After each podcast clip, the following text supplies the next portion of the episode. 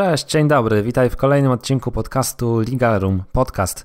To jest podcast dla nowoczesnych prawników, którzy chcą pracować mniej, a zarabiać więcej. A wszystko to dzięki perfekcyjnej obsłudze klienta i silnej marce osobistej.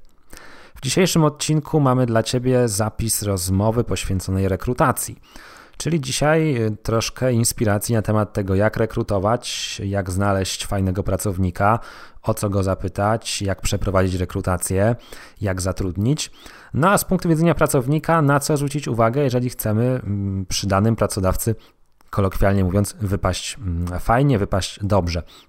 Rozmowa to jest moja rozmowa, moja Wojtka Wawrzaka, jednej trzeciej Legal Room Trio, z Arkiem Szczudło, y, czyli kolejnym chłopakiem z Legal Roomu. E, niestety nie było z nami Kasi, ale myślę, że z Arkiem w ciągu godziny też poruszyliśmy mnóstwo e, fajnych kwestii.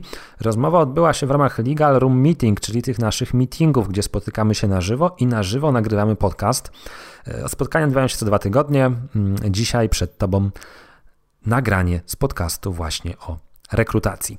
Przed tą godzinna rozmowa. Myślę, że warto poświęcić ten czas, jeżeli myślisz o zatrudnianiu pracowników bądź szukaniu pracy. Usłyszymy się jeszcze na koniec po zakończonej rozmowie, a teraz zostawiam Ciebie właśnie z materiałem dźwiękowym z tejże rozmowy. Fantastycznego odsłuchu. No i co, Arku, zaczynajmy. Zaczynajmy tę rozmowę o rekrutacji i żeby tak nas uwiarygodnić i, i, i, nie, nie mówić tylko, że my sobie opowiadamy tak, e, bo wymyśliliśmy sobie z palca, mm, z głowy jakieś rzeczy. E, może zaczniemy od tego, ile ty rekrutacji jako ten pracodawca przeprowadziłeś do tej pory? No właśnie, ile ich było, tak mniej więcej, nie? Mhm. Nawet nie musi być dokładna liczba, co bardziej rząd wielkości. Jasne, znaczy się, no ja akurat nie mam e, nie wiadomo ilu rekrutacji, jeżeli chodzi o pracowników e, pełnoetatowych. Mam dwie takie rekrutacje za sobą e, w ciągu ostatnich trzech czy czterech miesięcy. E, no nasza kancelaria akurat w takiej formule istnieje tam od 10 miesięcy, więc myśmy już z pewnym zespołem e, ją otworzyli, więc tutaj tej rekrutacji robić nie musiałem. E, zarówno na poziomie juniorów, jak i seniorów można byłoby powiedzieć. Natomiast aktualnie zrobiliśmy dwie rekrutacje, gdzie no, udało nam się znaleźć, znaleźć osobę do współpracy. Tylko tutaj mówię o pracownikach takich no, pełnoetatowych, tak? bo e, współpracownicy, e, podwykonawcy, ja to takich nazywam, tak? no bo jeżeli ktoś nie jest pełnoetatowy i jest adwokatem, radcą albo no, niezależną osobą, która po prostu się z nami rozlicza projektowo, to ja traktuję takie osoby jako podwykonawcy, no to takich podwykonawców, szczerze mówiąc, to rekrutujemy cały czas bez jakichś otwartych rekrutacji, no bo jeżeli zgłasza się do nas jakaś osoba, która chciałaby e, coś z nami robić, no to w takiej sytuacji po prostu mamy pewną listę pytań i tak dalej, ale to myślę, że e, za chwilkę sobie opowiadamy o tym. A podczas poprzedniej e, pracy w ramach kancelarii, no to z racji tego, że ja prowadziłem e, jeden z działów, no to ja rekrutowałem nie jako pracodawca, ale jako powiedzmy, nie wiem, no dyrektor działu to za dużo powiedziane, tak? Natomiast po prostu rekrutowałem osoby, z którymi chciałbym współpracować. To było w ramach wewnętrznej kancelarii. Myślę, że to na wstępie, co powiedziałeś, jest ważnym rozróżnieniem. Tak myślę, że właśnie będziemy to rozróżniać, mm, czyli rekrutacja etatowa od rekrutacji podwykonawczej. Mm, myślę, że to jest wniosek, który, który sam się nasuwa, ale zapytam mimo wszystko. Rozumiem, że te sposoby rekrutacji różnią się w zależności od tego, czy to jest rekrutowany pracownik, zleceniobiorca, czy właśnie podwykonawca. Tak, tak. No u mnie, u mnie zdecydowanie. Czy się zleceniobiorca, czy tam e, pracownik, to, to powiedzmy jedno i to samo, bo pracownik trochę mówi, że to jest umowa o pracę, natomiast to nie jest umowa o pracę, e, przynajmniej nie ze wszystkimi. Natomiast podwykonawca, no to jest, ja to odróżniam, że to jest całkowicie niezależny podmiot, który po prostu jak ma czas, to coś z nami robi, jeżeli oczywiście i czas, i projekt mu pasuje i tak dalej, tak? Także to są dwa, dwie różne całkowicie rekrutacje, no bo to są dwa różne mm, nie wiem, sposoby zaangażowania danej osoby i w ogóle procesów przepytania danej osoby i tak dalej, i tak dalej. Nie? I te rekrutacje robicie teraz e, w jaki sposób? E, one się różnią i podwykonawcza, i pracownicza? Zakładam, że na pewno, bo wspominałeś, że, że, tak. że podwykonawcy tak naprawdę sami trochę się zgłaszają. Natomiast może o tej etatowej porozmawiajmy. Mm, jak gdyby od czego zaczynacie w ogóle taką e, rekrutację? To jest pewnie, domyślam się, ustalenie, kogo potrzebujecie w pierwszej kolejności i z jakimi kompetencjami, i z jakimi wartościami i doświadczeniem. A niby wydaje się to oczywiste, ale często mam wrażenie, jak czytam ogłoszenia o pracę, e, że nie do końca sam pracodawca wie, kogo szuka. Tak, właśnie dobrze, że o tym wspomniałeś, bo e, ostatnio, już co prawda to było, byliśmy po rekrutacji, natomiast przeczytałem właśnie taki protip u jednej e, HR-owczyni, czy tam osoby, która zajmuje się rekrutacją dla innych firm. Taki właśnie protip, żeby najpierw ustalić, kogo my chcemy szukać i dokładnie wskazać sobie te kompetencje, no bo później jest łatwiej poruszać się w pośród, nie wiem, 100 e, CV, które zostanie nam wysłane, a naprawdę zostanie czasami nam wysłane te 100 CV, no bo e, co z tego, że rekrutujemy osobę do spraw korporacyjnych, jak 50 CV będzie dotyczyło spraw, e, no może nie rodzinnych, ale jakichś pobocznych, które w ogóle nie są związane ze sprawami korporacyjnymi.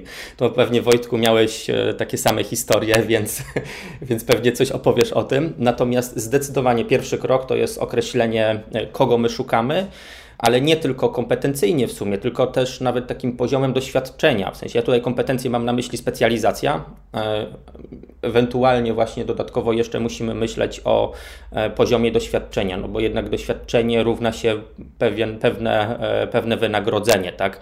A jednak no, czasami trzeba zderzyć się z, z rynkiem i z tym, czego oczekuje pracownik i nie zawsze pracodawcy będzie stać na e, pracownika takiego idealnego, wymarzonego. Tak? Czasami po prostu będzie trzeba wziąć kogoś do przyuczenia, mówiąc wprost, i wtedy taka osoba będzie e, tańsza na starcie.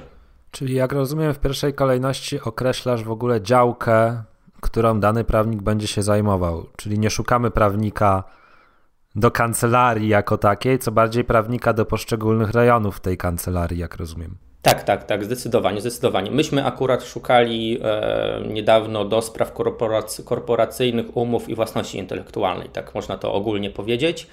E, no a zgłaszały się, i to przestrzegam, a zgłaszały się po prostu osoby od sasu do lasu, także jest po prostu e, bardzo duży przekrój. Tak, ale tak, specjalizacja to jest zdecydowanie coś, co, no, co, co wiodło prym i, i, i tego potrzebowaliśmy po prostu.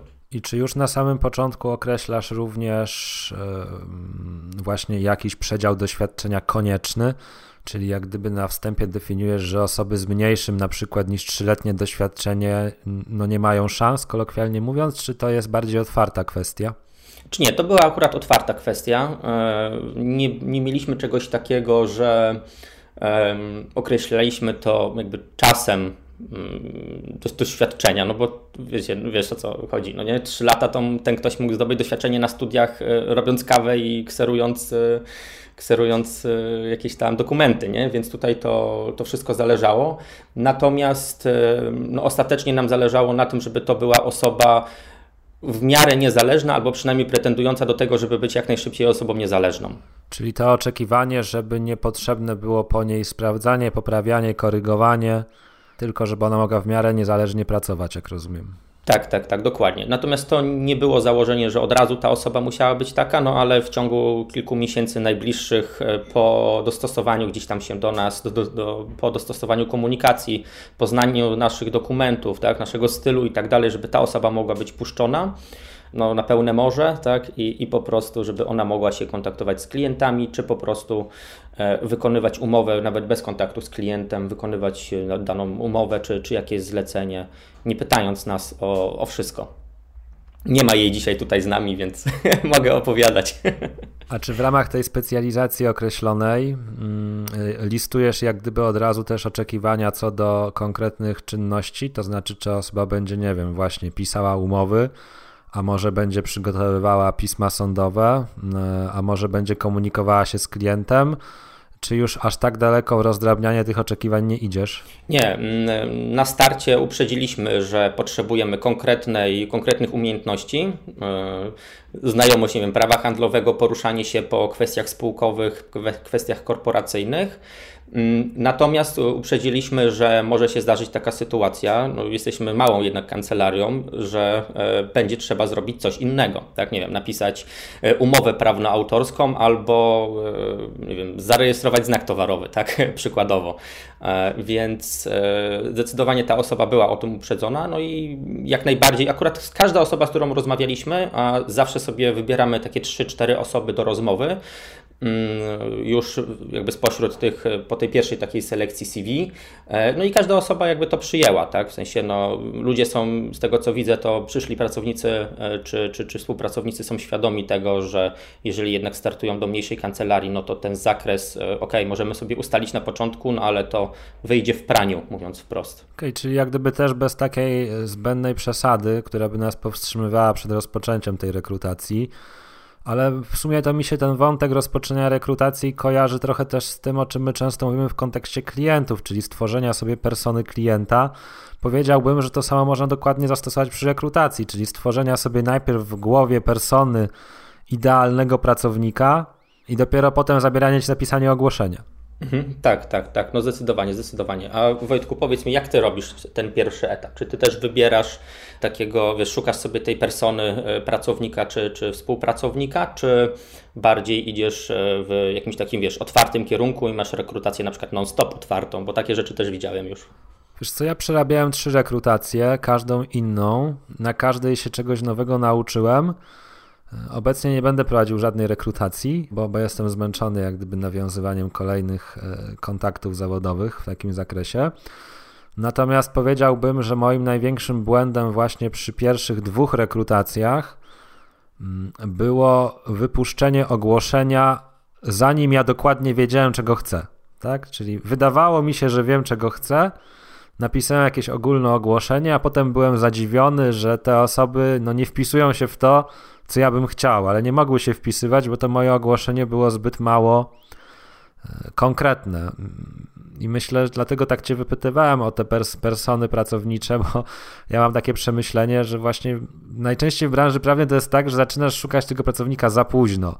To znaczy, masz już tyle roboty, mm, że nie masz czasu dokładnie przemyśleć tej rekrutacji, i ta rekrutacja sprawia, że robisz sobie więcej kuku niż pożytku, bo rekrutujesz, y, przyciągasz kandydatów, którzy nie są dla ciebie odpowiedni, dlatego że z nimi coś jest nie tak, tylko dlatego, że ty nawet im nie dałeś jasnych wskazówek, czego byś od nich oczekiwał.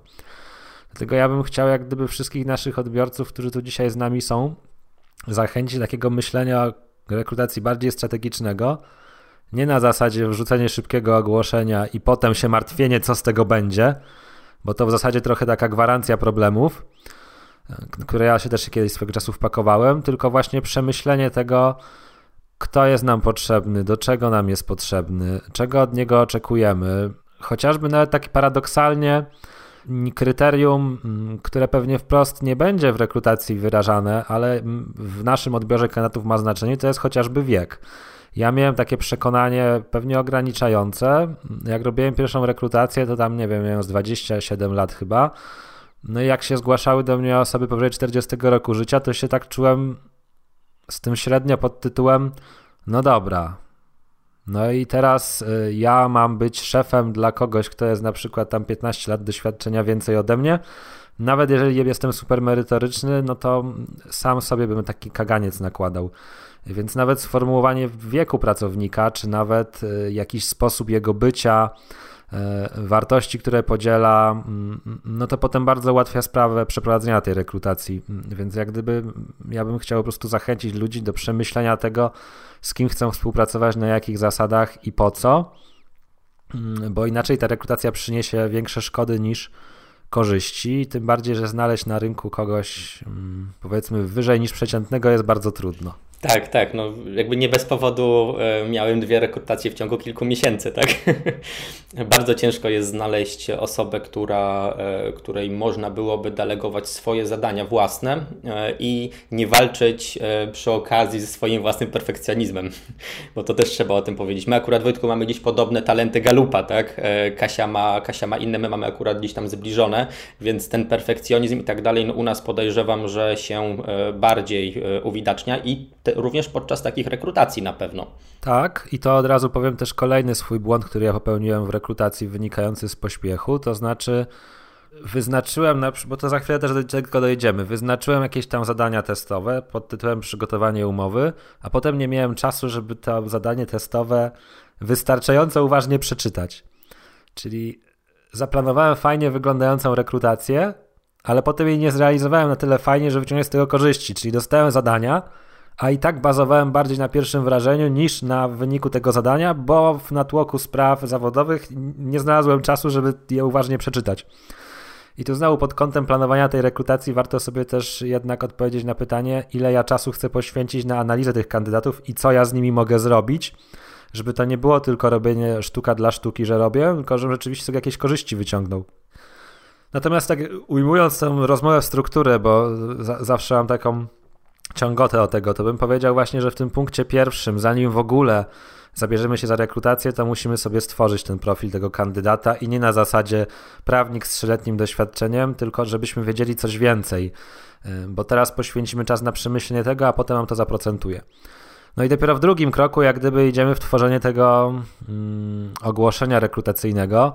No i tutaj jest pytanie do ciebie, Arku, mm, jak gdyby o sposób tego ogłoszenia. Czy ty jesteś zwolennikiem takich typowych, krótkich ogłoszeń w jakichś tam serwisach o pracę, czy stosowaliście jakieś metody, nie wiem, bardziej kreatywne, czy też social media, czy LinkedIny, Facebooki, czy jeszcze jakoś inaczej? W jaki sposób, jak gdyby tworzysz to ogłoszenie, je dystrybuujesz?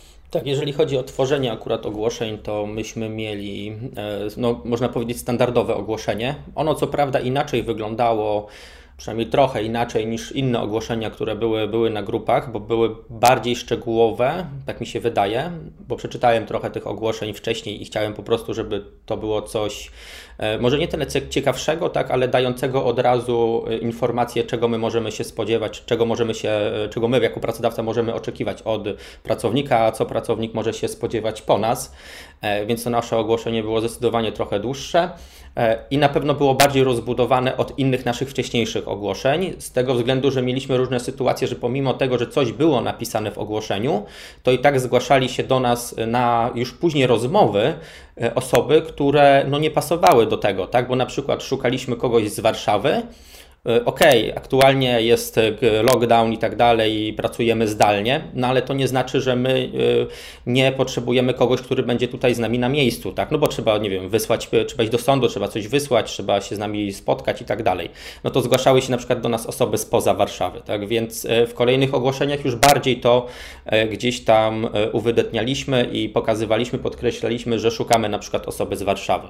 Więc jeżeli chodzi o formułę, to na pewno była, myślę, że bardziej szczegółowa od, od innych. Na pewno nie była kreatywna jakoś, e, jakoś super i tak dalej, no bo nie potrzebowaliśmy, e, nie potrzebowaliśmy, że tak powiem, zabawiać w tym momencie akurat publiki pod to, tylko potrzebowaliśmy szybko przeprowadzić tą rekrutację, e, właśnie ze względu na to, co mówisz, czyli że tą rekrutację robimy bardzo często w sytuacji, w której już potrzebujemy kogoś do pomocy, a nie, że ta pomoc za miesiąc będzie na przykład potrzebna. No to myśmy byli tak trochę w połowie. Wiedzieliśmy, że za miesiąc miesiąc będzie potrzebny już na gwałt ten pracownik.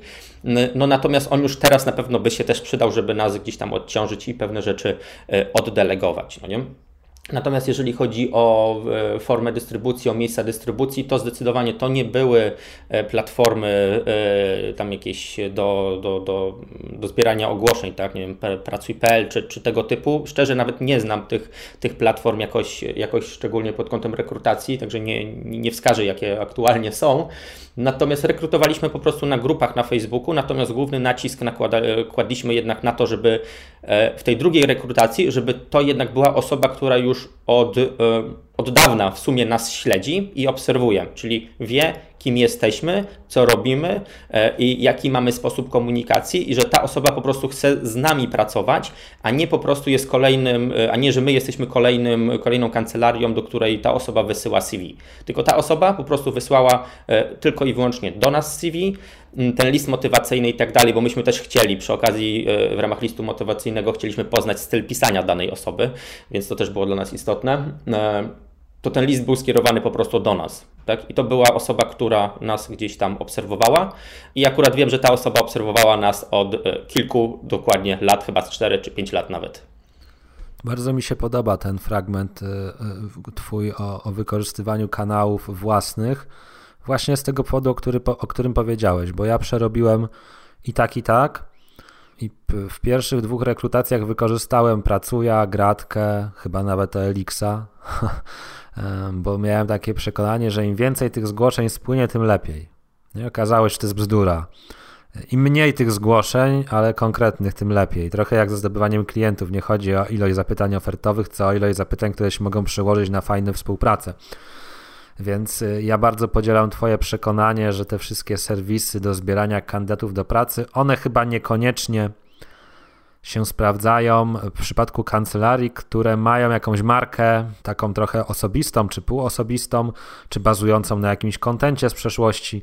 Myślę, że wszyscy ci, którzy działają w internecie, mają jakieś swoje mm, kanały.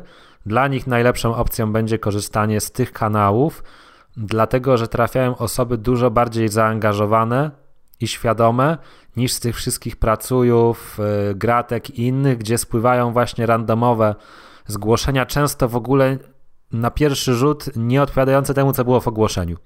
Tak, no i właśnie tutaj wspomniałeś o kwestiach e, też takich troszkę ilościowych. I to ma bardzo duże znaczenie, u nas na pewno miało bardzo duże znaczenie, e, to, że zawęziliśmy ten e, krąg właśnie dystrybucyjny, czyli zawęziliśmy w sumie tylko do, do socjali naszych, ewentualnie zaprzyjaźnione grupy na Facebooku to mogę polecić ewentualnie, bo to jest akurat bardzo fajna, aktywna grupa, to jest e, Praca Szuka Prawnika. To jest grupa e, Maćka Taberta od Alesz Mecenasie, więc tutaj mogę, mogę to polecić, bo to jest naprawdę e, zacna grupa, gdzie po prostu, zresztą sami tam rekrutujemy na nasze legal roomy, więc, więc tu warto. Natomiast jeżeli chodzi o ilościowe rzeczy, to podczas pierwszej tam rekrutacji, czy tam nie wiem, połówki rekrutacji, to, to, to, to jak to nazwiemy, no bo kilka ich było, mm, to mieliśmy około, nie kłamiąc, naprawdę, tam było prawie 100 ogłoszeń dostaliśmy dostaliśmy, prawie 100 CV dostaliśmy zgłoszeń, tak? To jest e, i, i musieliśmy przez to przejść. I to jest koszmar. E, I w stosunku do tego, co teraz mieliśmy, gdzie teraz mieliśmy tych ogłoszeń, tych CV dostaliśmy kilkanaście, no może pod 20, ale jakość rekrutacji była znacznie, znacznie lepsza teraz, gdzie dostaliśmy tych ogłoszeń, tych e, zgłoszeń dostaliśmy mniej, bo one odpowiadały na, bezpośrednio na nasze własne ogłoszenie rekrutacyjne. Tak? To nie były CV, no, zdarzyło się kilka, tak? to wiadomo, natomiast to nie były w większości CV, które które po prostu, mówiąc wprost, z bomby odrzucaliśmy. Tylko musieliśmy się jednak nad nimi chwilę zastanowić. Ja wiem, że nie wszyscy będą mieli taką możliwość, bo mogą być kancelarie, które nie mają swoich kanałów rozwiniętych. No i wtedy trochę nie mają wyjścia. Mm, natomiast myślę, że jak spotykamy się w ramach naszego Legal Room Meeting i w ogóle przyciągamy osoby o podobnych do nas wartościach, czy też nawet naszych kursantów, którzy mhm. uczą się przecież budowania tej marki, kontentu i tak dalej, to myślę, że silną rekomendacją z naszej strony jest jednak wykorzystywanie własnych mm, kanałów rekrutacyjnych. Ja też powiem z takiego swojego ostatniego doświadczenia, że ja swoją ostatnią rekrutację przeprowadziłem wyłącznie w social media w oparciu o własną stronę lądowania z ogłoszeniem rekrutacyjnym.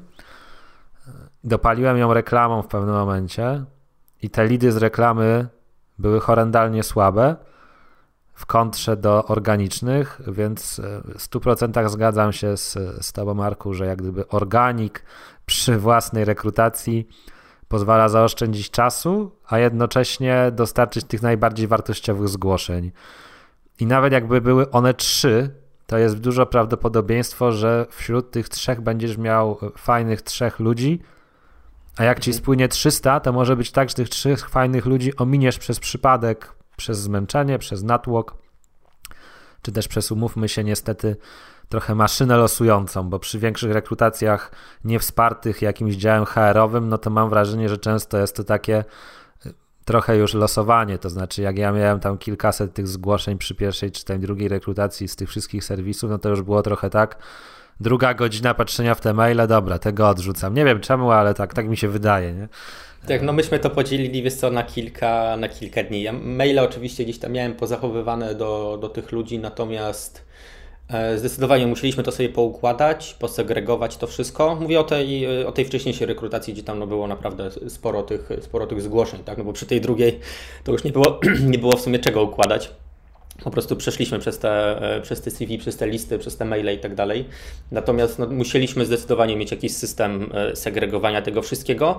I ja tutaj akurat wdrożyłem trochę, znaczy trochę, no nawet bardzo wdrożyłem mój system gwiazdkowy e, z czasów, kiedy byłem fotografem.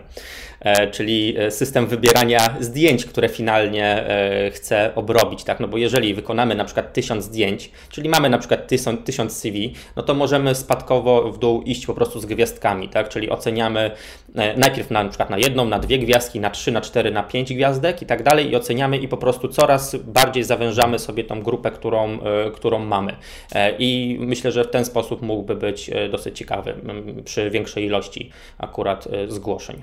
No właśnie, przy, jak gdyby przejdziemy do trzeciego punktu, bo tym pierwszym punktem było, ja, było w ogóle sformułowanie oczekiwań i znowu bym podkreślił sformułowanie tych oczekiwań najpierw w swojej głowie, a potem je przelali na papier. Po drugie było znalezienie właściwego kanału dystrybucji. No my zachęcamy do własnych, własnych kanałów. No chyba, że nie mamy żadnych, to, to wtedy nie mamy wyjścia i musimy skorzystać z jakichś tam zewnętrznych serwisów. No i po trzecie, takim trzecim etapem rekrutacji, tak naprawdę najbardziej kluczowym, gdzie można albo skorzystać z tego, co się zrobiło wcześniej na tych dwóch poprzednich etapach albo zmarnować ten potencjał swojej własnej pracy, co ja zrobiłem swojego czasu, no czyli selekcja tych kandydatów i metody selekcji tych kandydatów. I ty wspomniałeś, Arku, o tym systemie gwiazdkowym. A powiedz mi, czy wy jak gdyby ocenialiście te wszystkie zgłoszenia pod kątem właśnie wyłącznie tego CV i listu motywacyjnego, czy jak gdyby mm, już na pierwszym etapie było jakieś takie kryteria, może nawet niewyrażone w ogłoszeniu, które sprawiały, że to, to zgłoszenie tak, to zgłoszenie nie. Nie wiem, takie trywialne przykłady, które mi przychodzą do głowy, to sposób sformułowania maila, który ktoś do ciebie wysyła. To znaczy, jak do mnie w odpowiedzi na luźne ogłoszenie o pracę przychodzi mail, szanowny panie mecenasie, no to jak gdyby on na starcie ma minus w, porównaniu do maila y, Dzień dobry Wojtku. Może jestem dziwny, ale tak mam, biorąc pod uwagę treść oczywiście ogłoszenia, bo to znowu zależy jak sformułujemy ogłoszenie, bo jeżeli je sformułujemy formalistycznie, to potem się nie dziwmy, że jest szanowny panie mecenasie. Niemniej jak sformułowałem ogłoszenie cześć, dzień dobry yy, i, i, i, i lajtowe, a potem są z poważaniem i szanowny panie, no to taki byłem trochę zdziwiony. Yy, także czy mieliście jakieś takie kryteria yy, jak gdyby decydowania, którym CV i listę motywacyjną się przyjrzeć, czy jak gdyby jednak w waszym przypadku to właśnie CV i listy motywacyjne były tym kryterium pierwszym. Tak, e, u nas, e, u nas obowiązkowo było, było wysłanie CV e, i wysłanie maila lub listu motywacyjnego. Po prostu jakiejś treści wprowadzającej, gdzie my chcieliśmy zbadać daną osobę przy okazji, jak pisze, w jaki sposób pisze oraz no, chcieliśmy też poznać tą osobę bliżej. No bo jak wiemy, CV nie mówi wszystkiego, tak? Więc w takim liście ta osoba ma możliwość, e, mówiąc wprost, wygadania się nam, zanim e, my się z tą osobą spotkamy. No i przy samym CV, no to tam za dużo oczywiście nie było jakichś takich e, podprogowych, mówiąc wprost, podprogowych jakichś rzeczy. Po prostu to miało być ładne CV poukładane, nie na 10 stron i tak dalej, tak? Więc to myślę, że taki klasyk. Natomiast e, jeżeli chodzi o ten list, czy tą treść e, motywacyjną, tego maila motywacyjnego, e, no to tutaj zdecydowanie ja osobiście akurat patrzyłem na wiele rzeczy, właśnie od samego powitania, typu witam, po po prostu jakby długość też tej treści, bo czasami ktoś wziął sobie y, za mało może do serca to, że y, chcieliśmy jednak, żeby to był list motywacyjny, a nie mail wprowadzający, że y, dzień dobry panie mecenasie, w załączeniu CV pozdrawiam. Takie rzeczy też były, no i takie rzeczy od razu odpadały na miejscu, e, no bo nie o to nam chodziło. Znaczy w sytuacji, w której ktoś nie umie e, przeczytać ogłoszenia, no to no może być ciężko z taką osobą pracować, więc e, ja akurat osobiście byłem tutaj dosyć mocno rygorystyczny pod tym, pod tym kątem. Więc takie, z taką, takiej osoby nawet nie, nie przeglądałem gdzieś tam CV, mówiąc szczerze, no nie? No bo jakby nie spełniła w ogóle warunków z ogłoszenia. Natomiast Myśmy mieli naprawdę bardzo, bardzo szczegółowe, jak teraz tak patrzę na to, e, na to ogłoszenie, no bo mieliśmy oczywiście posługiwanie się językiem angielskim e, w miarę komunikatywnie, ale na przykład potrzebowaliśmy włoskiego i wiedzieliśmy, że ten włoski na pewno będzie punktował i od razu to wskazaliśmy u siebie, no nie? Więc u nas wydaje mi się, że nie było mm, no takie podprogowe rzeczy, to co mówisz, tak, że długość treści maila czy, czy, czy sposób wyrażenia, to oczywiście było brane pod uwagę i to nie było komunikowane wprost, no ale jednak e, największy walor miały te rzeczy, które, e, które wskazaliśmy jako dodatkowe plusy, typu właśnie włoski, e, czy, czy, czy, czy inne rzeczy, których no teraz już nie pamiętam, nie? Natomiast... Czyli, jakie, czyli jakieś takie obiektywne e, szczegóły, które właśnie pozwalają ocenić zero-jedynkowo. Jest włoski, nie ma włoskiego, nie? Tak, tak, tak. To takie rzeczy też mieliśmy tam, no ale wiadomo, z samego CV i listu też nie wszystko jesteśmy w stanie wyczytać, więc y, kolejnym etapem po prostu była rozmowa z taką osobą. A czy stosowaliście jakieś, nie wiem, zadania testowe, jakieś ankiety rekrutacyjne, y, czy cokolwiek wspierającego, czy jednak właśnie klasyka, czyli CV, list motywacyjny plus rozmowa i potem po tych rozmowach wybór jakiegoś kandydata czy kandydatki? Tak, następnym razem pewnie zrobię formularz w Google. Nawet z czystej ciekawości e, będę chciał przejść przez coś takiego, e, żeby osoby mi nie wysyłały CV i listów motywacyjnych, tylko żeby uzupełniły po prostu formularz. Natomiast e, myśmy nie dawali zadań w takiej takiej postaci, że ktoś coś ma nam wysłać gotowego, na przykład gotową umowę, e, no albo przynajmniej w jakiejś tam wersji tą umowę, tylko myśmy dali zadanie e, podczas samej rozmowy rekrutacyjnej, tak to nazwijmy, czyli po, podczas tej rozmowy takiej zapoznawczej, po, po tym jak nam ta osoba wysłała CV, gdzie rozmawialiśmy z, z nimi odnośnie naszych oczekiwań, ich oczekiwań, gdzie się poznawaliśmy wzajemnie i tak dalej, no to ta, to taka osoba dostała zadanie, tylko że to było zadanie bardziej na tok myślenia, na sposób myślenia, na zakres e, poruszanych kwestii czy problemów, które ta osoba e, no, na co dzień będzie musiała gdzieś tam u nas rozwiązywać. E, podczas rozwiązywania tego zadania nie wymagaliśmy, żeby ta osoba nam tutaj rzucała przepisami, bo to nie o to w tym chodzi wszystkim. Jak ktoś chce, to sobie zajrzy do Lexa i sobie przeczyta przepis, nie musi go znać na pamięć. Ważne, żeby wiedział, gdzie szukać. I to właśnie gdzieś tam ocenialiśmy, tak, żeby wiedział, że trzeba na to, na to i na to spojrzeć, gdy na przykład będzie rozmawiał z klientem albo gdy będzie sporządzał taką i taką umowę. Tak więc to było bardziej na, no, jakby w tym kierunku, na tok myślenia, tak to nazwę. Czyli myślę, że jak gdyby próba wyczucia tego, o czym często mówimy, czyli właśnie tych umiejętności miękkich. Je się ciężko ocenia pod kątem, czy ktoś je ma i jak, natomiast też o tyle jest zata, że się czuje to intuicyjnie. I tu od razu mi przychodzi do głowy przykład z mojej rekrutacji ankietowej, mm, bo ja na przykład robiłem ankietę rekrutacyjną i były dwa podejścia takie skrajne, które mnie, które skontrastowanie mnie mm, tak nawet bawi anegdotycznie. Była, było, zadałem tam jakieś pytanie mm, o jakieś cookiesy serwisu, serwisu internetowego, jakby ktoś to opisał w polityce prywatności i tak dalej. I specjalnie nie robiłem tam dopisku pod tytułem w ilu znakach ma się zmieścić, czy, czy coś, bo bardziej byłem ciekawy reakcji, czyli jak gdyby znowu tej umiejętności miękkiej. Jedna osoba napisała tam: Nie udzielam bezpłatnych porad prawnych. A druga osoba napisała: Nie wiem, ale jakby miała takie zlecenie, zadzwoniałem do swojego przyjaciela programisty, który jest bardzo dobry w tym temacie i e, wytłumaczyłby mi, na czym polegają pliki cookies i pewnie poprowadziłby mnie za rękę, jak mam to opisać. E, no i chyba nie trzeba zgadywać, że akurat. E, a plus były jeszcze osoby, które jak gdyby bardzo merytorycznie e, odpowiedziały i w sensie napisały jakieś przykładowe postanowienia. No i kto, kto, kto de, z kim de facto nawiązałem współpracę? No właśnie z tą osobą, która napisała, żeby do tego programisty zadzwoniła. E, no, bo jak ktoś mi odpisał tak trochę arogancko, że nie udziela bezpłatnych porad prawnych w ramach rekrutacji, no to tak trochę dla mnie strzelił sobie w kolano, chyba, że nie skumałem dowcipu, no ale jak nie skumałem dowcipu, to nie skumałbym mi dowcipu we współpracy. Te osoby, które pisały tak fajnie, merytorycznie, spoko, nie? Natomiast jak gdyby odpowiedź tej osoby e, o programiście, jak gdyby poruszyła moje czułe struny pod tytułem oho, czyli ktoś rzeczywiście ma jakiś taki gen operatywności czy przedsiębiorczości i to nie będzie tak, że jak nie będzie czegoś wiedział, to będzie po prostu do mnie pisał, dzwonił i oczekiwał, że mu coś na tacy podam, tylko mhm. sam wypełni swoje braki. No i tak myślę, że to rezonuje właśnie z, tymi, z, tym, z tym poszukiwaniem tych kompetencji miękkich. I, I, myślę, że nie, nie, nie tylko ankieta rekrutacyjna jest sposobem na to, bo ona mimo wszystko też ma swoje wady. Natomiast myślę, że byśmy zachęcili odbiorców naszych i słuchaczy, którzy by szukali jakiejś inspiracji, żeby przemyśleć sobie jakiś mechanizm właśnie weryfikacji tych umiejętności miękkich, jakikolwiek sposób, bo sama wiedza merytoryczna myślę schodzi na dalszy plan. Dzisiaj, szczególnie, że do, dostęp do tej wiedzy jest tak nieograniczony, że jak ktoś ma e, tego ducha operatywności to i posługuje się jeszcze językiem angielskim, to w naszej branży i specjalizacji jest w stanie dotrzeć do wielu wartościowych źródeł. Natomiast jak nie będzie miał genu operatywności i będzie tylko bazował na jakichś informacjach, które ma, bądź ktoś mu przekaże, to nic z tej współpracy i tak nie będzie na dłuższą metę. Tak, tak, tak, zdecydowanie to zgadzam się. Tutaj też poruszyłeś kwestię y, związaną z tym, że ktoś odpisał ci, że nie udziela bezpłatnych porad prawnych w ramach rekrutacji.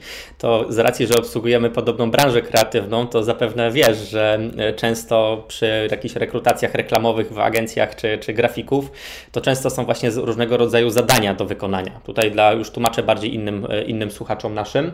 E, no i często ci graficy nie chcą wysyłać właśnie bez na przykład podpisania NDA-ki i tak dalej jakichś prac, no bo często te agencje no jednak wykorzystują to w ramach swoich zleceń. Natomiast w sytuacji, w której e, rekrutujemy kogoś tak, i ktoś nam coś takiego pisze, to ja wychodzę z założenia, że ta osoba mnie nie zna, e, i e, nigdy nie widziała nic, co ja opublikowałem. Tak? I ja akurat osobiście publikuję często, i ty też w sumie Wojtku, jakieś też swoje własne prywatne przemyślenia, prywatno-biznesowe i prywatne. Więc ta osoba no, powinna jednak pomiędzy wierszami wyczuć, że my nie weźmiemy tego i po prostu nie, e, no nie wiem, nie wyślemy klientowi takiej umowy, którą, którą ta osoba napisze. Tak? No, a tutaj akurat zapisy dotyczące polityki prywatności. Więc no, pisanie czegoś takiego, myślę, że to zdecydowanie od razu, e, od razu no, jest, jest dosyć problematyczne, będzie dosyć problematyczne dla samego pracownika, tak w mojej ocenie przynajmniej. W sytuacji, w której my nie robimy e, otwartej, ogólnej rekrutacji po prostu na stanowisko prawnika i nie piszemy e, tych ogłoszeń po prostu na, nie wiem, na, na, wszystkich platformach i nie chcemy dostać 300 CV, tak? tylko chcemy konkretnego pracownika z konkretnymi umiejętnościami i tak dalej. To jednak trzeba w jakiś sposób te umiejętności sprawdzić.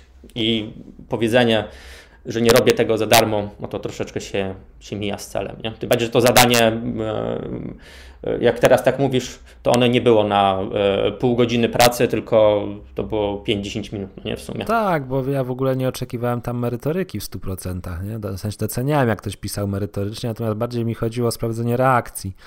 Mm, jeżeli chodzi natomiast o to zadanie merytoryczne jako takie, to też jest ciekawy temat, bo ja na przykład no, w tamtych rekrutacjach nie, ale jak gdyby z podwykonawcami już zdecydowanie też daje znać, że, że, że, pierwsze zadanie to jest zadanie jak gdyby w ogóle no, takie realne już, nie? W sensie sanonimizowane, żeby nie bawić się w te wszystkie od razu formalności rodowskie, natomiast od razu za wynagrodzeniem, więc też jak gdyby zawsze komunikuję jasno, że ten etap jakichś tam odpowiedzi wstępnych, e, no to jest bezpłatny, natomiast jeżeli ktoś, e, nazwijmy to, idzie dalej, e, no to dostanie wynagrodzenie za tą pracę, którą wykona, nawet jeżeli to będzie jednorazowe i nawet jeżeli nie będę w pełni zadowolony.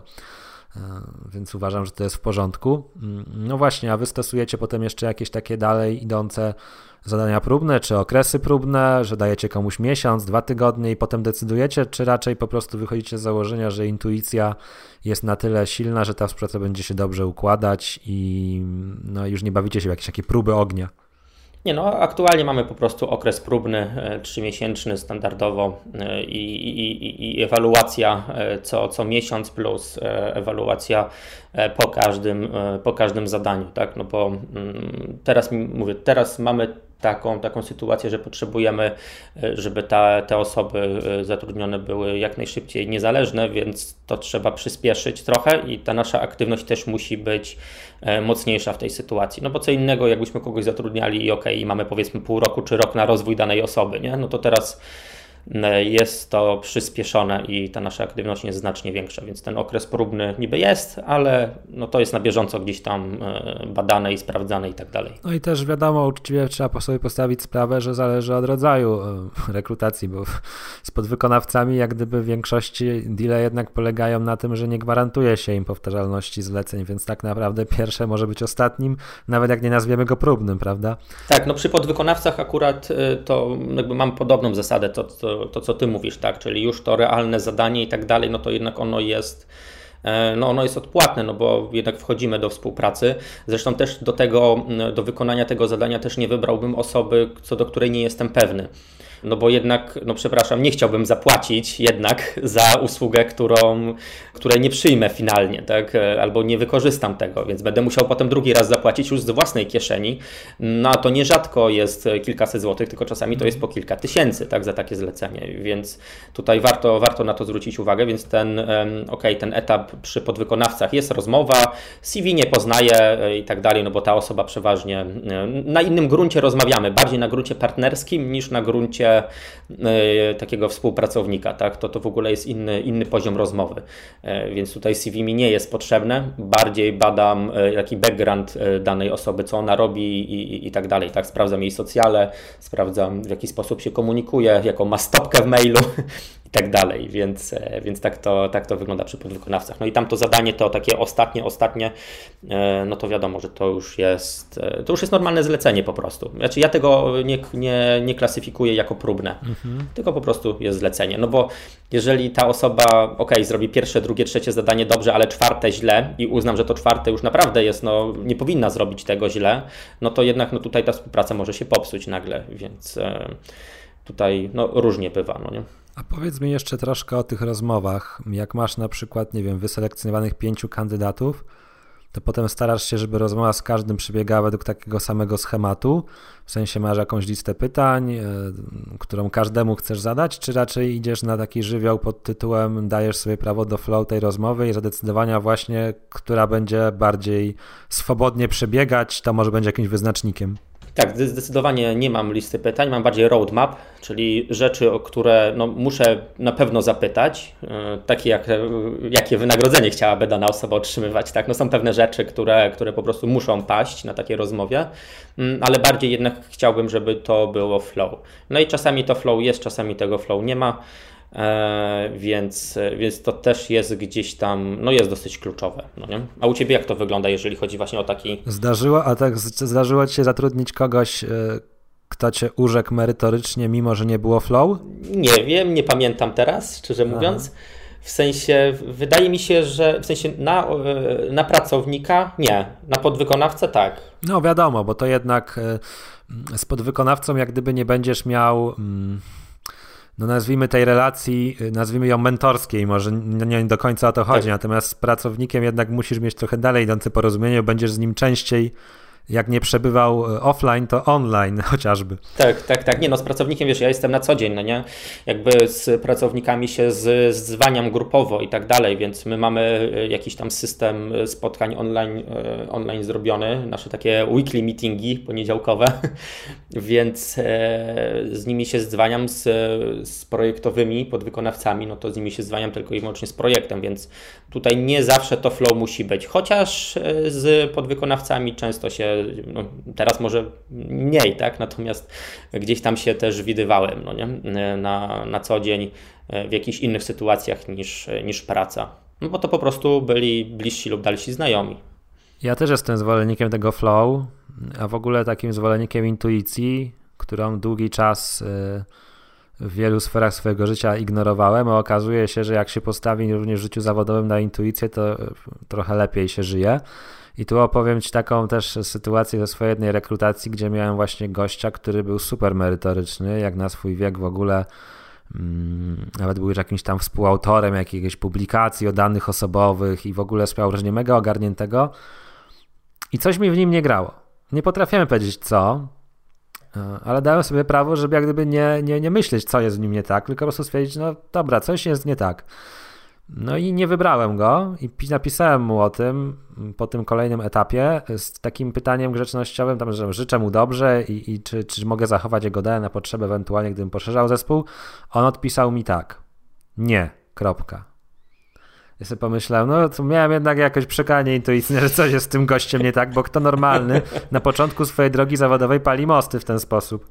Um, więc... to, to, ja wysłałem też to pytanie do, do wszystkich i część mi osób nie odpisała, a część osób odpisała, że tak. Natomiast nie kropka, nie, na pewno nie miałem czegoś takiego. No to już wiesz o co chodziło. Zdecydowanie. Więc, więc wszystkim jak gdyby obecnym tu na spotkaniu, którzy mają czasem takie mm, mm, myśli, żeby nie do końca słuchać swojej intuicji, bo ja mam wrażenie, że my szczególnie w Polsce jesteśmy w takim stereotypie, że trochę ignorujemy swoją intuicję i mówimy sobie, a nie wszystko musi być takie proste i łatwe, trzeba coś wypracować, dotrzemy się, y, naprawimy tego pracownika, pokażemy mu, on się rozwinie. No jednak brutalne fakty pewnie procentowo pokazują, że jak intuicyjnie od początku wiemy, że będzie źle, to jest źle. Tylko, że jak gdyby człowiek ma taką tendencję do racjonalizowania i odpychania od siebie tego pierwszego złego wrażenia, żeby nie wyjść na kogoś, kto ocenia zbyt pochopnie. Więc jeżeli chodzi o taki protip y, bardziej psychologiczny w rekrutacji, to ja bym zachęcał jednak do bazowania na swojej intuicji i podchodzenia trochę do e, rekrutacji jak do wybierania przyjaciół czy partnerów życiowych. W sensie z reguły od razu o pierwszym spotkaniu czy drugim się wie, czy coś z tego będzie, czy nie. E, I nie, i nie trzeba przerabiać żadnej drogi myślowej i mapy i drzewka decyzyjnego. I jak popatrzymy na rekrutację w ten sposób, to się okazuje, że też od razu prościej nam e, wybrać ludzi. No tym bardziej, że tak jak z klientami, no z kim nam się najlepiej pracuje? Z tymi, z kogo lubimy, bądź dzielimy jakieś tam sposoby komunikacji. I z pracownikami jest dokładnie tak samo. Po co mamy się męczyć w imię czegoś, że tam kiedyś go wyszkolimy? Tak, tylko że tutaj może być problem taki, że my polubimy danego pracownika e, i, e, i po prostu będziemy chcieli z nim pracować, a on okaże się finalnie gdzieś tam merytorycznie po prostu, e, no po prostu słaby. No ja osobiście nie miałem takiej przyjemności, natomiast no podejrzewam, że to jest, to może być częsta sytuacja jednak, że ten pracownik merytorycznie jednak się nie podciągnie z, z czasem, a pomimo tego na przykład będzie chciał awansować i tak dalej, no ale jednak nie będzie, nie będzie miał takiej możliwości. No tak, to jest jak gdyby druga, druga strona medalu, jak zawsze. Mm, natomiast chyba dzisiaj sobie odpuścimy temat jak gdyby budowania relacji z pracownikiem e, tak. długofalowo, byśmy popłynęli nie? na temat modeli tego, czy to ma być przyjaźnie, czy z, z dystansem, z jak dużym dystansem, z jak dużą przyjaźnią i tak dalej. Ja się zastanawiam, czy my e, nie moglibyśmy e, zaprosić sobie po, po jednym pracowniku wszyscy i po prostu zrobić taką sześcioosobową, e, sześcioosobowe spotkanie i spojrzenie każdej ze stron. Ale to tak rzucam na razie. Jak, jak tutaj nasi słuchacze dadzą zna, nam znać, że coś takiego mogło być interesujące, żeby też pracownicy przyszli, to, to z chęcią. To, to, to, jest ciekawe. Ja na sam koniec jeszcze potem powiem, że ja na przykład rezygnuję z modelu pracowniczego i powiem dlaczego. Natomiast yy, jeszcze bym chciał Cię zapytać o ostatnią kwestię, tak na koniec. I wiadomo, wa- najważniejsze tak naprawdę często kwestie finansowe. Czy Wy w ogłoszeniach o pracę od razu definiujecie yy, wynagrodzenie, czyli jak gdyby robicie na tyle jasno, że odsiewacie tych kandydatów, którzy by chcieli więcej? E, czy też to jest dopiero etap na jakiejś tam rozmowie właśnie dalszej? Jesteście bardziej elastyczni, w sensie, że jak wam ten kandydat podejdzie, to nie jest tak, że są jakieś magiczne widełki, których po prostu przekroczenie sprawia, że nie. Jak do tego komunikacji finansowej podchodzicie? Tak, myśmy akurat komunikowali wprost, czyli wskazywaliśmy e, widełki wynagrodzenia. Nie pamiętam teraz, jakie to były, natomiast były to rynkowe. Nikt się nie przyczepił do nas, a w związku z tym okazało się to rynkowe. No wcześniej zrobiliśmy research, tak, i sprawdziliśmy, e, jakie widełki są, e, są na rynku w Warszawie więc to nie było tak, że coś zaniżyliśmy, coś zawyżyliśmy, natomiast samego, e, samego pracownika, no oczywiście zapytaliśmy o to, jakie on chciałby dostać wynagrodzenie. No i ono oczywiście no, powinno być jednak w tych widełkach, no bo jeżeli by nie było, no to znaczy, że zmarnowaliśmy czas na rekrutację, no bo ta osoba nie przeczytała ogłoszenia. Więc, e, no ale takie rzeczy dopiero mogłyby wyjść właśnie podczas rozmowy, bo na pewno mailowo takie rzeczy nie załatwiamy. tylko załatwiamy te kwestie finansowe podczas rozmowy i słuchamy tej osoby i po prostu oceniamy i tak dalej. Na pewno nie boimy się zmniejszyć tego wynagrodzenia niż ta osoba oczekuje, E, no bo ta osoba, ten, ten, ten przyszły e, pracownik czy współpracownik pełnoetatowy, on nie musi otrzymywać tego wynagrodzenia, które chciałby otrzymywać na start.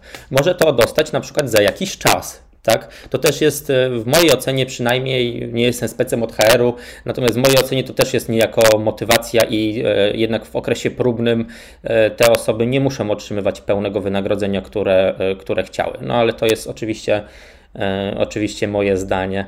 Natomiast fajnie było to, że nie spotkaliśmy się z hejtem co do widełek wynagrodzenia, bo bardzo często jest tak, że jednak e, e, no, te komentarze na różnych grupach niepochlebne są. I mówiąc szczerze, chyba nawet na każdej grupie spotkałem się z tym, że jakieś niepochlebne komentarze co do zakresu obowiązków, wymaganego doświadczenia zestawieniu do potencjalnego wynagrodzenia, że jednak jest ten hejt i tutaj wszystkich słuchaczy naszych E, drogich oczywiście uprzedzam, żeby sprawdzili wcześniej rynek e, i zobaczyli w ich mieście, jakie to wynagrodzenie powinno być. E, I oczywiście nie muszą dawać tego najwyższego, mogą dać widełki, tutaj nikt się nie powinien przyczepić, ale to wynagrodzenie przy pełnoetatowych pracownikach, bo przy podwykonawcach to trochę inaczej wygląda, przy pełnoetatowych to te widełki powinny być, bo wtedy po prostu unikamy tych e, takich osób, które są nad wyraz, e, no w sensie chcą dostać więcej wynagrodzenia niż, e, niż my proponujemy. I mieliśmy taką fajną sytuację, nie będę mówił tutaj nazwisk i tak dalej, natomiast mieliśmy taką rozmowę z pewną osobą, która e, wprost nam napisała, że to wynagrodzenie, e, biorąc pod uwagę jej doświadczenie, jest jakby zbyt niskie, tak? Natomiast ona przyjmuje to, że takie wynagrodzenie będzie otrzymywać i bierze po prostu na, gdzieś, tam na barki to, że ona w przyszłości otrzyma większe wynagrodzenie. Natomiast na ten moment oczywiście jest na takim etapie życiowym, że ona bardziej chce z nami pracować i zdobyć dodatkowe doświadczenie w innym zakresie, aniżeli otrzymywać wynagrodzenie adekwatne do e, tego, że jest adwokatem czy radcą prawnym na przykład. Tak? Więc e, takie, takie wiadomości też otrzymywaliśmy. No i to jest bardzo fajne, szczerze mówiąc, tak? No bo my nie bez powodu dajemy widełki. To też nie jest tak, że my nagle możemy dać komuś e, dwukrotnie więcej, no nie? Więc e, te widełki też były nie bez powodu. No i ta osoba była po prostu tego świadoma i to było bardzo, bardzo fajne. No to też zdradza pewną po prostu motywację, bo yy, każdy z nas lubi pieniądze i zaspokajają one potrzeby, natomiast jeżeli ma się takie przekonanie, że jedyną motywacją pracownika jest wynagrodzenie, nie ma nic złego w tym, że on chce zarabiać, natomiast no przynajmniej w mojej działalności, myślę w Twojej Arku też i większości osób związanych z Legal Roomem również, ten wątek y, pozapieniężny też jest istotny I, i, jak gdyby jak ktoś by tylko widział pryzmat pieniędzy i wynagrodzenia, to myślę, że od razu by to osłabiało też Twoją y, chęć pracy. Z widełkami się zgadzam totalnie. Zawsze najbardziej mnie mierziły jeszcze jak byłem studentem ogłoszenia pod tytułem atrakcyjne warunki pracy, bo teraz trzeba sobie zadać pytanie, co znaczy atrakcyjne. E, więc widełki są super. Myślę, że wiele osób będzie miało jednak właśnie takie obawę przed podaniem widełek z uwagi na ten negatywny hejt. Więc tak jak Arek powiedział, zawsze można to w jakiś sposób zweryfikować. A po drugie, zachęcałbym też do takiego myślenia, trochę odważnego, pod tytułem Ja na przykład nie rozumiem hejtu na widełki. To znaczy, ja jestem pracodawcą, znam realia swojego biznesu, wiem ile mogę zaproponować. Jeżeli nikogo nie znajdę przy tych widełkach, to przemyślę, czy ich nie zwiększyć. Natomiast to jest sprawa moja i mojego pracownika, a nie ludzi, którzy nie są zainteresowani moją rekrutacją, ale będą oceniać moje widełki. E, nie do końca rozumiem te nagonki w tych grupach, no bo można się zająć swoimi sprawami, swoimi widełkami, a nie widełkami innych. E, moje widełki, moja sprawa.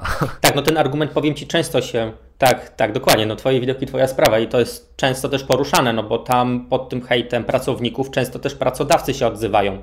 Któregoś razu sam sobie pozwoliłem. Ja co prawda staram się nie wchodzić w takie dyskusje, które są kompletnie niepotrzebne, natomiast w pewnym momencie mnie to po prostu dosyć mocno podirytowało mm, jako pracodawcę, po prostu ta argumentacja, która była po drugiej stronie.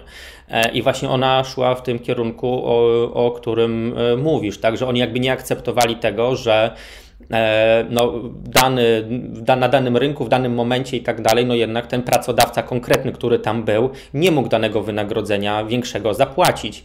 No i oczywiście, jeżeli ktoś nie jest zainteresowany tego typu wynagrodzeniem, no to oczywiście nie powinien wtedy brać udziału w rekrutacji. Natomiast po drugiej stronie były argumenty, że to też psuje rynek. No w pewnym, w pewnym momencie, okay, to może psuć rynek, gdy nagle 10 pracodawców, albo inaczej, gdy kluczowi pracodawcy, na przykład warszawskie kancelarie kluczowe, zaczną obniżać wynagrodzenie masowo, tak, bo się po prostu dogadają w tym zakresie. No to oczywiście, natomiast no tutaj jest naprawdę bardzo, bardzo wiele rzeczy, które trzeba brać pod uwagę uwagę, zanim ocenimy, czy ktoś jest w stanie zapłacić tyle, e, tyle mniej, czy tyle więcej tak, danemu, danemu pracownikowi. Na pewno praca za darmo to nie jest coś, co powinniśmy robić, i tutaj to kategorycznie pewnie Ty, Wojtku, też się ze mną zgodzisz. Natomiast wysokość wynagrodzenia jednak zależy od ustaleń pracownik-pracodawca i, e, i jednak e, nie chciałbym, żeby e, pod moimi ogłoszeniami jednak były takie, takie hejterskie komentarze i też nie bez powodu trochę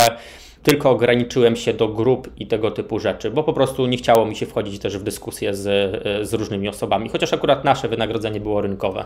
Nie, bo to wiesz, bo to często są głosy pod tytułem, można to wprowadzić do jednego przykładu. W sensie, no, nie podobasz mi się, nie będziesz moim partnerem, ale napiszę ci, że jesteś beznadziejny. Nie? No to, to, ja wychodzę z założenia raczej, że jak nie masz kogoś pozytywnego komuś do powiedzenia, a sytuacja cię nie dotyczy, to po prostu milczysz, a nie komentujesz tak, ogłoszenie z widełkami, dla które w ogóle cię, ciebie to nie dotyczy. No ale dobrze, bo, bo, bo to popłyniemy przy tym. Natomiast ja, ja, myślę, że tutaj ewentualnie dla pracowników można dać coś takiego, taką informację, jeżeli tutaj są z nami e, pracownicy albo przyszli pracownicy, żeby właśnie oni nie komentowali e, publicznie e, czegoś, co chcieliby skomentować negatywnie, tylko na przykład, żeby napisali do danego pracodawcy, że na rynku jest taka i taka praktyka i są takie i takie wyceny i po prostu, że mm, może warto byłoby przemyśleć to ogłoszenie, tak, ale nie pisanie tego w formie publicznej. Zresztą ja w ogóle hejtuję mówiąc wprost, publiczne e, wytykanie błędów i tego typu rzeczy. Bo to, to nie, nie przystoi to po prostu naszemu zawodowi, tak mi się wydaje. Myślę, że nie tylko zawodowi. Ja w ogóle mam taką, e, e, ta, taką idealistyczną myśl, że jakby nas w internecie właśnie przyświecała zasada, jak masz coś miłego do powiedzenia, to powiedz, a jak nie masz nic miłego, to po prostu nic nie mów i wszystkim będzie lepiej, nie? E, to byśmy po prostu mieli internet dużo, du, dużo lepiej wyglądający. Ja bym się chciał z tą Marku podzielić na sam koniec e, swoją refleksją na temat e, modelu pracowniczego i podwykonawczego, tak kończąc w ogóle wątek rekrutacji, ponieważ przerobiłem i pracowniczy i podwykonawczy i chciałbym też zainspirować, jeżeli mogę tak o sobie myśleć w takich kategoriach, naszych odbiorców do tego, żeby po prostu wybierać sposób rekrutacji, sposób zatrudnienia i w ogóle wszystkiego, co robimy zawodowo, do naszego aktualnego stylu życia. Ponieważ ja sobie zrobiłem takie kuku, że z jednej strony myślałem sobie, że chcę być wolny, niezależny, elastyczny, jest to najważniejsze w prowadzeniu przeze mnie biznesu, po to ten biznes prowadzę. Nie po to, żeby wyłącznie zarabiać, ale po to, że mogę nawet zarabiać mniej, ale mogę na przykład na 3 miesiące zniknąć i mogę, bo to jest właśnie elastyczność, a potem dołożyłem sobie do tego zatrudnienie pracownicze, które jak gdyby godzi w te wartości w 100%, ponieważ mm, no nie powiesz pracownikowi, słuchaj, przez 3 miesiące mnie nie będzie. Nie mam dla ciebie pracy, więc spadaj, nie? Albo e, wiesz, że musisz być z nim w określonych godzinach na konkretne rozmowy. I dopiero jak się rozstałem w niedługim czasie z pracownikiem, mm, to sobie uświadomiłem z pełną mocą, że ten model zatrudnienia pracowniczego nijak nie wspiera mojego stylu życia w sensie, że ja właśnie potrzebuję współpracy podwykonawczej opartej projektowo, bez żadnych gwarancji. I też jak gdyby to jest trochę związane też z tymi stawkami. To znaczy, ja w ogłoszeniu swoim ostatnim napisałem wprost, że jeżeli szukasz pracy z płatnym urlopem, z gwarancją zleceń, mm, to po prostu nie aplikuj.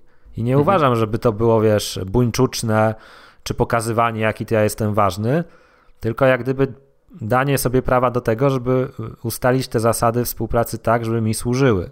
No bo też nie po to pracowałem mm, x lat na swoją markę, żeby teraz jak gdyby ona nie działała dla mnie, tylko dla innych. Tak? To mhm. może jest trochę egoistyczne, natomiast uważam, że najlepszy biznes to jest biznes, który wspiera nasz styl życia.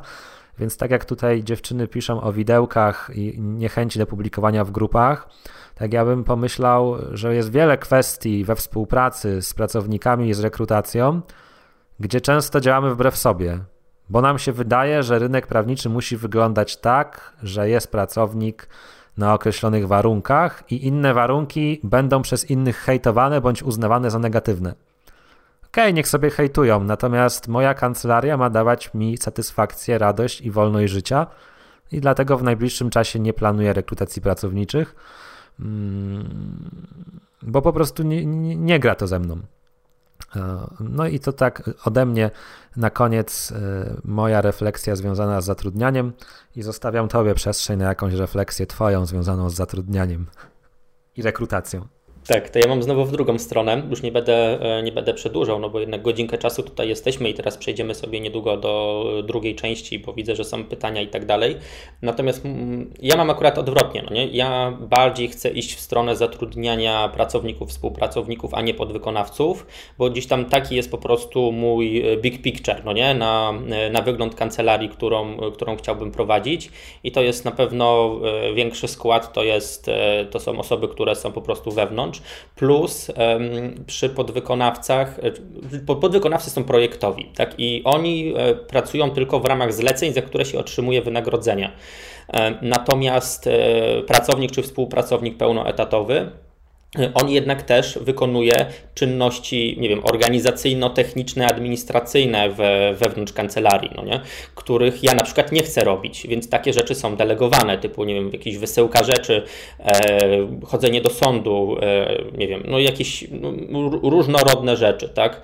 E, czasami, nie wiem, pomoc w napisaniu artykułu na, na bloga, tak? E, czy, czy, czy zadraftowanie czegoś, no to są przecież niebilowalne rzeczy, więc tutaj podwykonawcę bym do czegoś takiego nie angażował, no bo musiałbym mu za to, mówiąc wprost, zapłacić, tak, więc e, i większą sumę, więc tutaj wolę mieć e, swoich po prostu wewnętrznych ludzi, no chociaż mam podwykonawców, na przykład social media managerka, tak, i tak dalej, no, więc tu, tu akurat pozaprawnicze rzeczy, jakieś kwestie marketingowe i tak dalej, no to de deleguję w formie podwykonawstwa, E, agencją i tak dalej. Natomiast jeżeli chodzi o prawników, to jednak e, moja formuła osobiście jest taka, żeby mieć wewnątrz, e, wewnątrz jakby swój taki kluczowy skład z którym wszystko konsultuję, z, którą, z, którym, z tym składem, z, tym pracownikiem, z tymi pracownikami mamy po prostu wspólną wizję, no bo to na koniec mogę powiedzieć, że mm, mi przyświeca taki cel, żebyśmy wszyscy pracowali nad daną marką.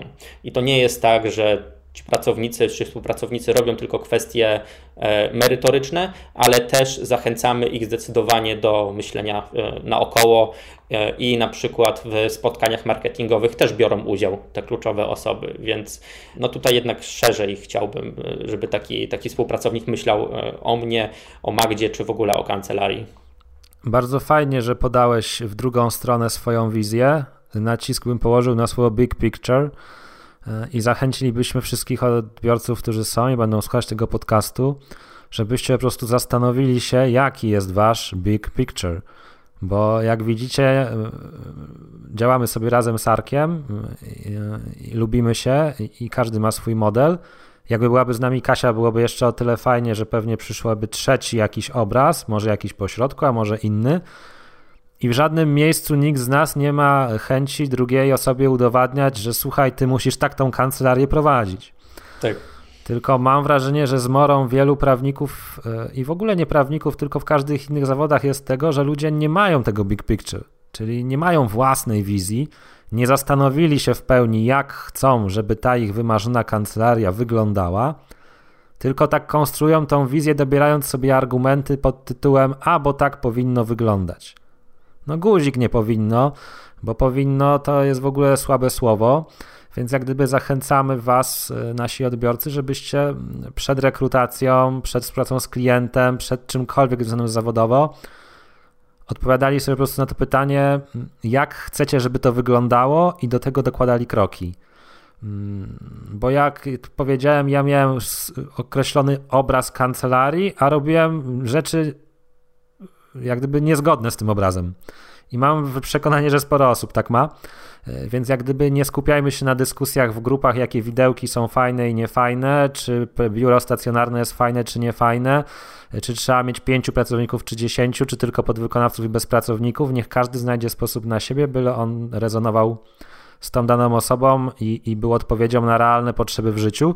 I też bym podkreślił, że też się może zmieniać w czasie. E, to znaczy, że trzeba mieć jeden obraz kancelarii na całe życie. E, może być okres w życiu, kiedy potrzebujecie więcej swobody, a kiedy potrzebujecie większego zespołu. E, I to, że ja dzisiaj mówię, że nie pracownicze, a Arek mówi, że pracownicze, to wcale nie znaczy, że za 20 lat możemy mieć inaczej. No, także powiedziałbym amen i dziękuję za wypowiedź. Tak, tak, również, również dziękuję, dziękuję słuchaczom, dziękuję Wojtku. No i jak podobała Ci się rozmowa o rekrutacji? Mam nadzieję, że wyniosłeś z niej wiele wartościowych inspiracji. Myślę, że przede wszystkim inspiracji, bo stawiamy w Ligarumie właśnie na inspirację, czyli na poszerzanie swojego horyzontu, na poszerzanie swoich e, obserwacji. E, swoich pomysłów na kancelarię, na siebie. Nie ma jednego złotego modelu prowadzenia kancelarii, nie ma jednego złotego modelu rekrutacji. Chcemy pokazać Ci kilka różnych możliwości, żebyś mógł wybrać dla siebie to, co najlepsze i przede wszystkim w zgodzie ze sobą. Jeżeli podobała Ci się rozmowa, opowiedz o niej swoim znajomym prawnikom, że mogą odsłuchać w każdej chwili. Oznacz nas Legal Room w swoich social mediach bądź po prostu napisz do nas na maila, czy zostaw recenzję tego podcastu w iTunes. Wielkie dzięki za uwagę, no i do usłyszenia w kolejnym odcinku Legal Room Podcast. Trzymaj się ciepło, cześć.